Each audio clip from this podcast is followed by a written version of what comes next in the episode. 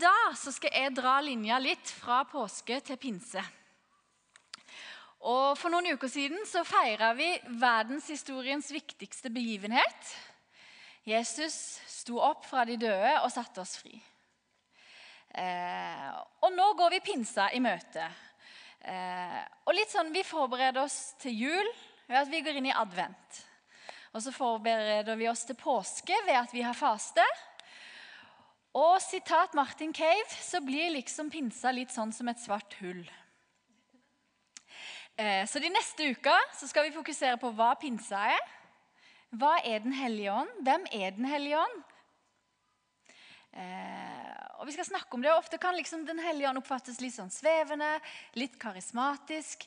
Noen vil ha mye med den personen å gjøre, noen vil ikke ha noe med den å gjøre.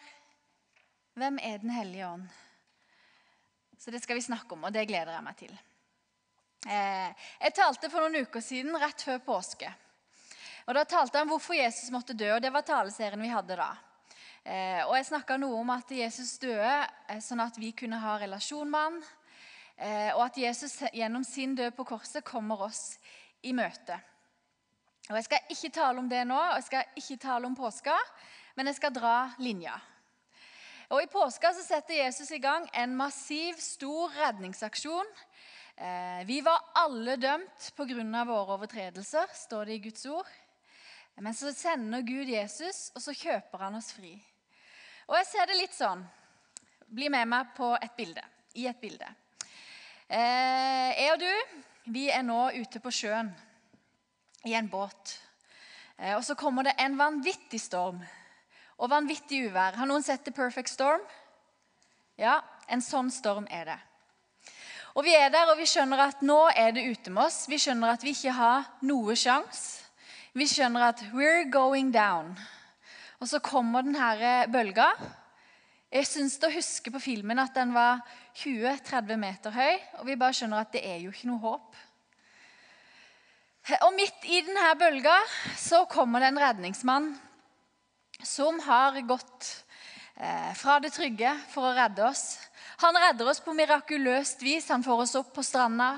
Han setter føttene oss, våre på grunn. Og vi står der litt fortumla, eh, litt skremt, men vi er redda. Eh, vi fortjente det ikke, men vi ble redda. Og vi takker og vi bukker. Og så kan vi jo tenke at ja, men det var jo en fin historie. Det var jo en happy ending. Er dere enige? Ja, det var jo, det var jo fint. Det Jesus gjorde på korset, var nok. Vi ble redda. Men vet du hva? Gud han drar det jo mye lenger, han. For han sier det. Jesus sier i apostelgjerningen 1,4. Dere skal ikke forlate Jerusalem, men vente på det som Far har lovt, det dere har hørt av meg. Hva er fars løfte? Hva er det han har lovt? I Johannes 14, 18 så står det Jeg lar dere ikke være igjen som foreldreløse barn. Jeg kommer til dere. Og I Lukas 24, 49 så står det Se, jeg sender dere det min far har lovet.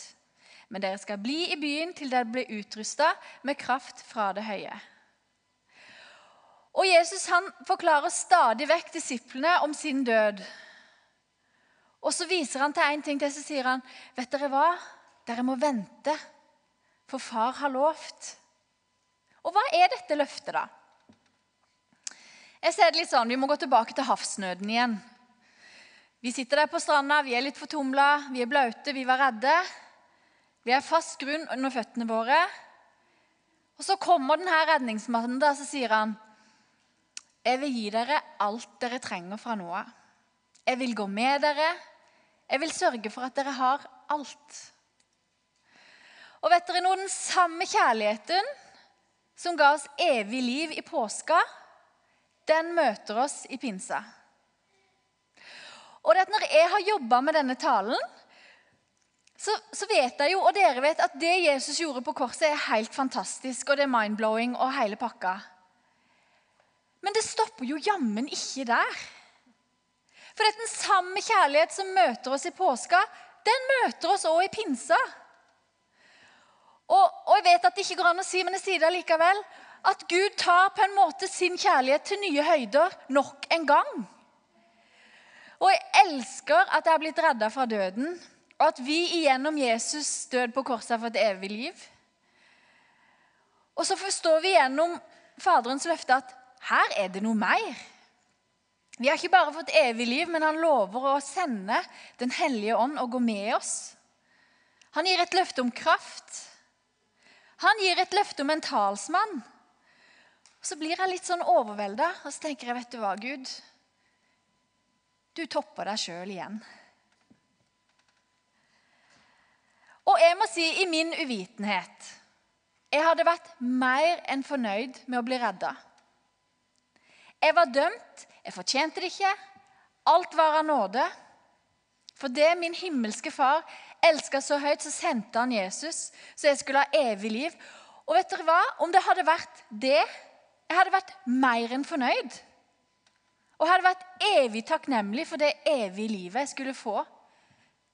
For jeg fortjente det ikke i det hele tatt. Men hva er det Gud gjør? Jo, Gud, han elsker.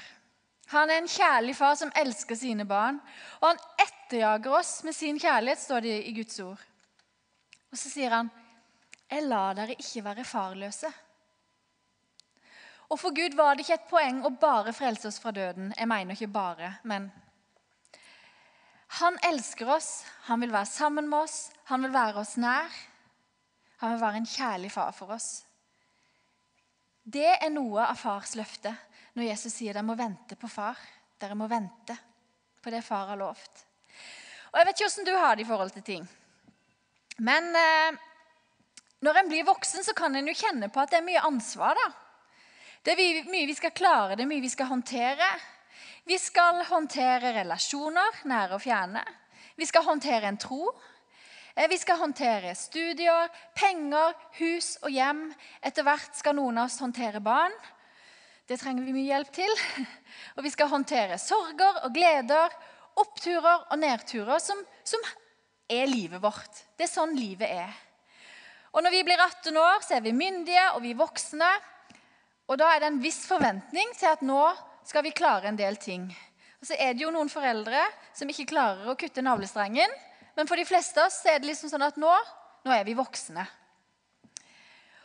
Og det er noe av det jeg elsker med fars løfte. Han sier, 'Jeg vil alltid være der. Jeg vil være talsmann, jeg vil være rådgiver, jeg vil være far.' 'Jeg vil være deg nær. Jeg vil aldri forlate deg. Jeg vil forsørge deg.' Og for meg personlig så er det helt fantastisk, for jeg kan kjenne på av og til at det er utrolig mye som Gry skal klare. Det er utrolig mye ansvar som jeg kan kjenne på tynger meg ned, både her på jobb, i hjemmet, i møte med mennesker.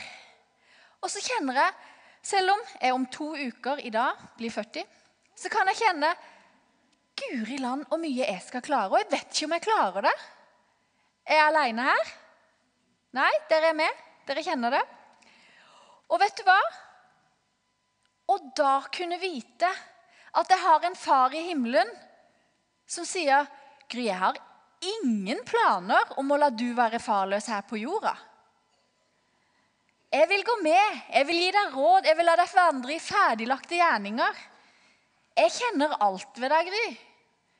Og så tenker jeg ja, men da, da skal jeg klare dette livet. Og jeg tror noe av det jeg er mest takknemlig for hver dag, er at jeg ikke trenger å klare det alene.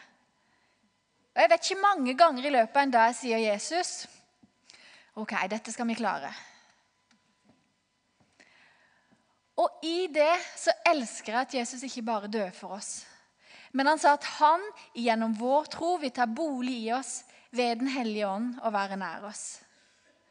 Og den samme kjærlighet som møter oss i påska, den møter oss i pinsa. Og pinsa er fars hjerte, tilgjengelig for alle. Vi har lest tre bibelvers, og der sier Jesus noe om å vente. Han sier 'vent' til disiplene, han sier 'bli i byen'. Hvorfor er det så viktig? Hvorfor skal de vente? Jesus sier han vil ikke la de være alene, men de må vente. Og Jeg vil snakke litt om det å vente. Vi har fått Den hellige ånd. Da vi tok imot Jesus, så tok han bolig i oss, i våre hjerter. Den bor ved troen i våre hjerter. Det er en gave fra Gud. Eh, og Det var viktig for disiplene å vente, sånn at de kunne få Den hellige ånd. Men når vi har Den hellige ånd, da, vi som har tatt imot Jesus, er det viktig for oss å vente, eller gjelder ikke det lenger? Vi lever i et travelt samfunn. Og jeg leste en artikkel som sa noe om hvordan det var å leve på 80-tallet, og hvordan det er å leve i 2015. Og det er vanvittig mye mer travelt. Eh, vi venter veldig lite. Hvis vi vil ha svaret på noe, så går vi rett til Internett og finner ut svaret. Vi vil at livet vårt skal gå sånn. Eh, de fleste av oss tenker på at det å vente, det er kjedelig. Det vil vi ikke, og det er fullstendig waste of time. Men jeg tror at Jesus i dag faktisk ber oss om å vente på kraft. Og vet du hva? Jeg ser i mitt eget liv at når jeg ber, så vil jeg ha svar med én en eneste gang. Når jeg tar tid med Gud, så vil jeg kjenne noe, eller jeg vil føle noe, eller jeg vil få noe med en gang.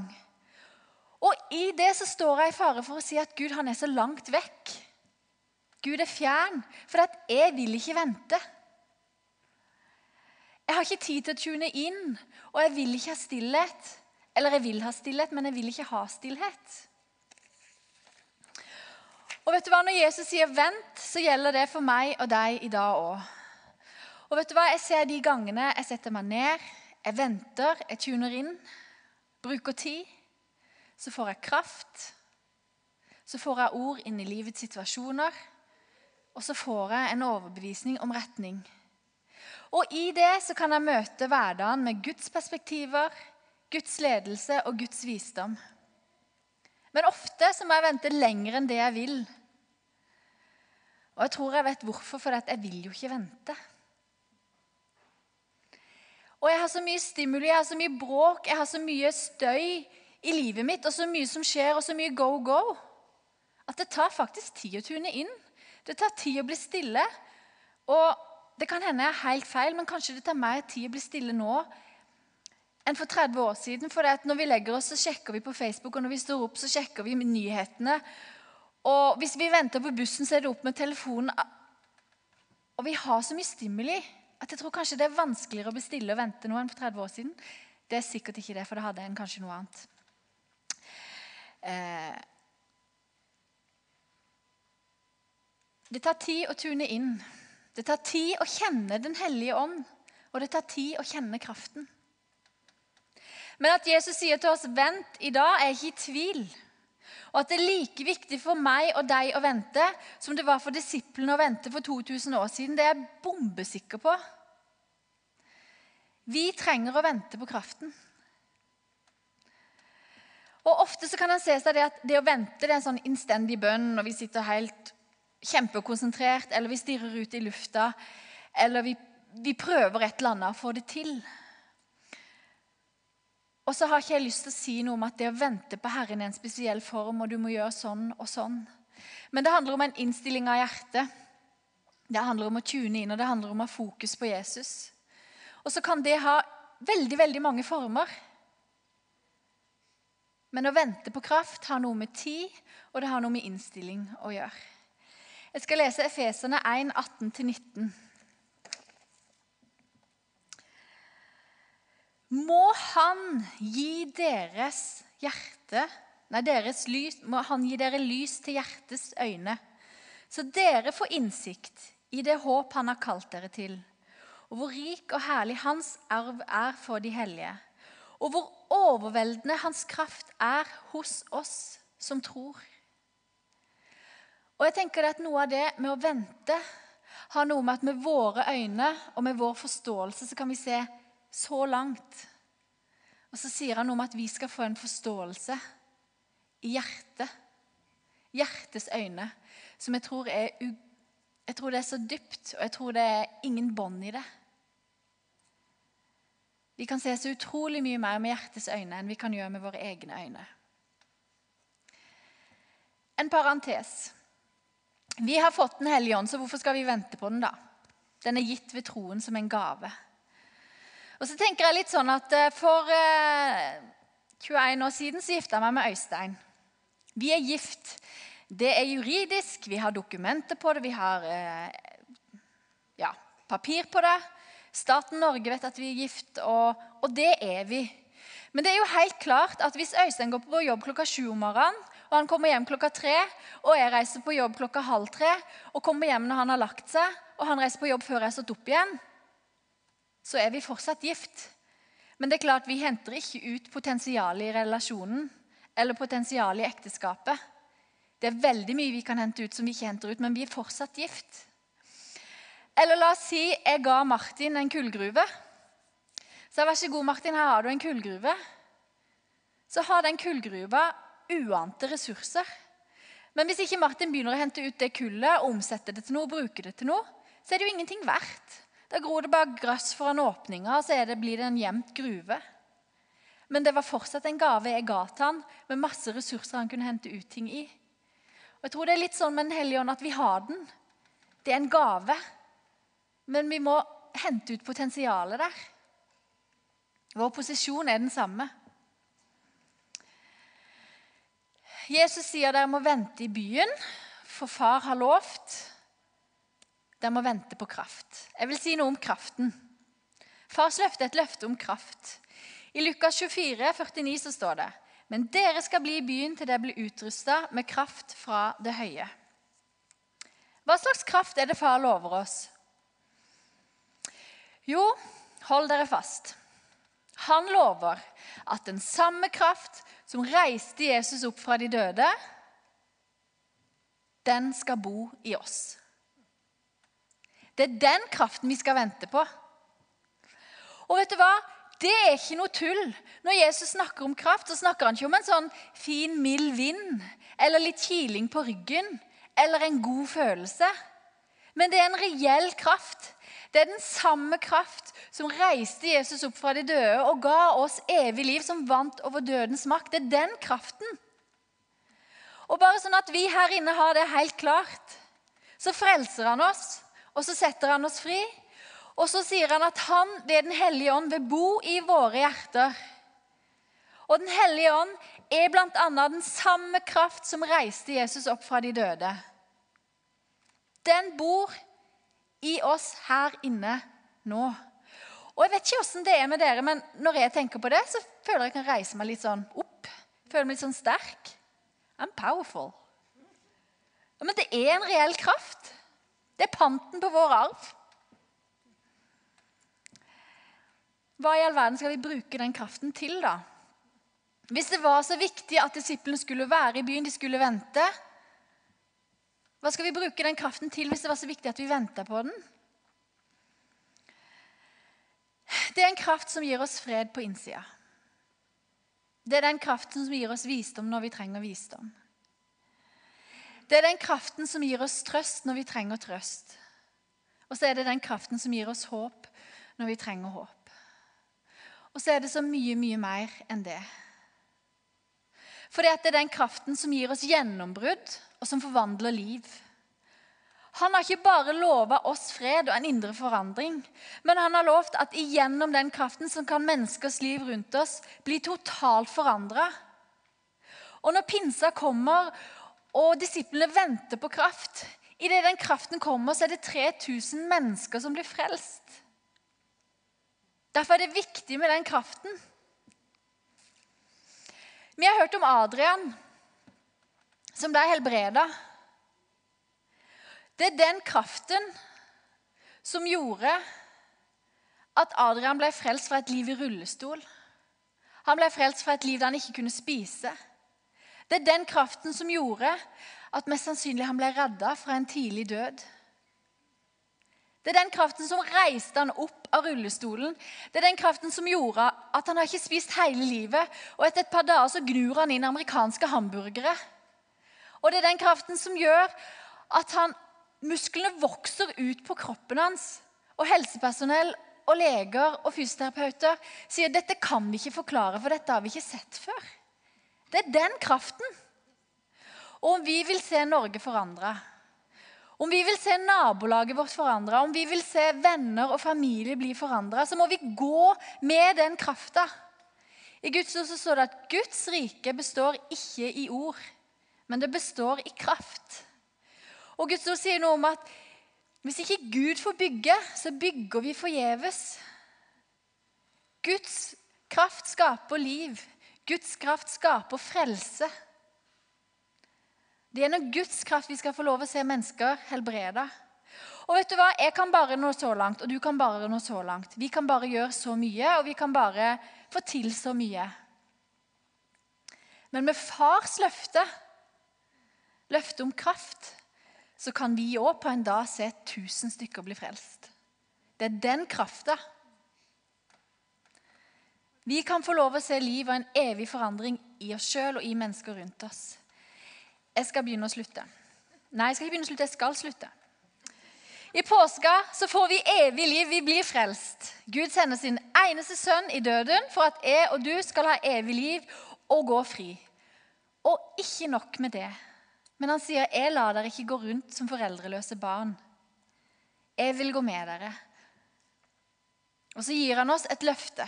Fars løfte. Et løfte om kraft. Og så sier han, 'Jeg vil sende Den hellige ånd.' Han skal bo i troen ved deres hjerter. Nei, ved troen i deres hjerter. Og Så ber han disiplene vente på den kraften, og så ber han oss vente på den kraften i dag. Og hente ut det som er i den kraften. Og Paulus han skriver en utrolig flott bønn i Efeserne som handler om denne kraften, som handler om det håpet vi har, som handler om den uendelige dybden vi kan få lov å utforske i Den hellige ånd. Og Jeg har lyst til å avslutte med å lese det. Efeserne 3, 16. Og Paulus han hadde virkelig forstått noe av dybden i Gud. Og så ber han om at efeserne må også forstå det her. Må Han som er så rik på herlighet, gi deres indre menneske kraft og styrke ved sin ånd. Må Kristus ved troen bo i deres hjerter, og dere står rotfestet og grunnfestet i kjærlighet. Må dere sammen med alle de hellige bli i stand til å fatte bredden, lengden, høyden og dybden. Ja, kjenne hele Kristi kjærlighet som overgår all kunnskap. Og må dere bli fylt av hele Guds fylde. Han som virker i oss med sin kraft og kan gjøre så uendelig mye mer enn det vi ber om og forstår. Og Det er det det handler om, at vi skal få lov å forstå dybden i Gud. At den veldige kraften som bor i meg og deg, kan forvandle våre liv og menneskers liv rundt oss. Skal vi be? Kom, Hellige Ånd.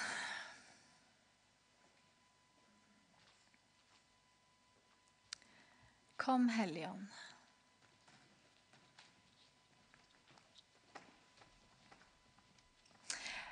Hellige Ånd, jeg ber om at du bare skal komme nå og møte oss på dypet i våre hjerter. Jeg takker deg, Helligånd, for at du er nær de som kjenner at livet er stress og kaos. Og så sier du at eh, vi kan vente og få kraft. Og jeg takker deg, Jesus, for at du er nær den som er full av uro. Og så sier du at du er der med din kraft og med din trøst.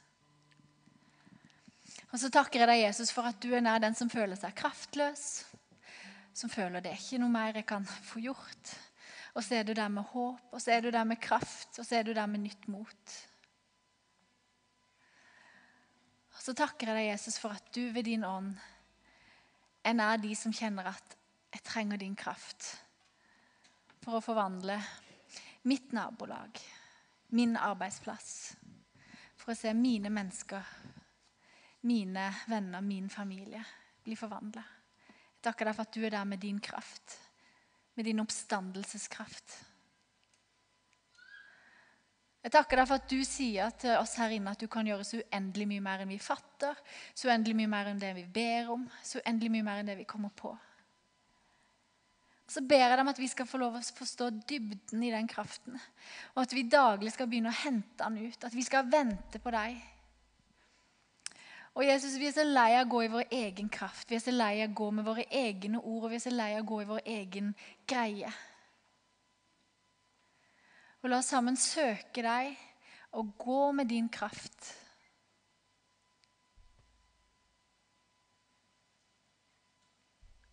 Amen.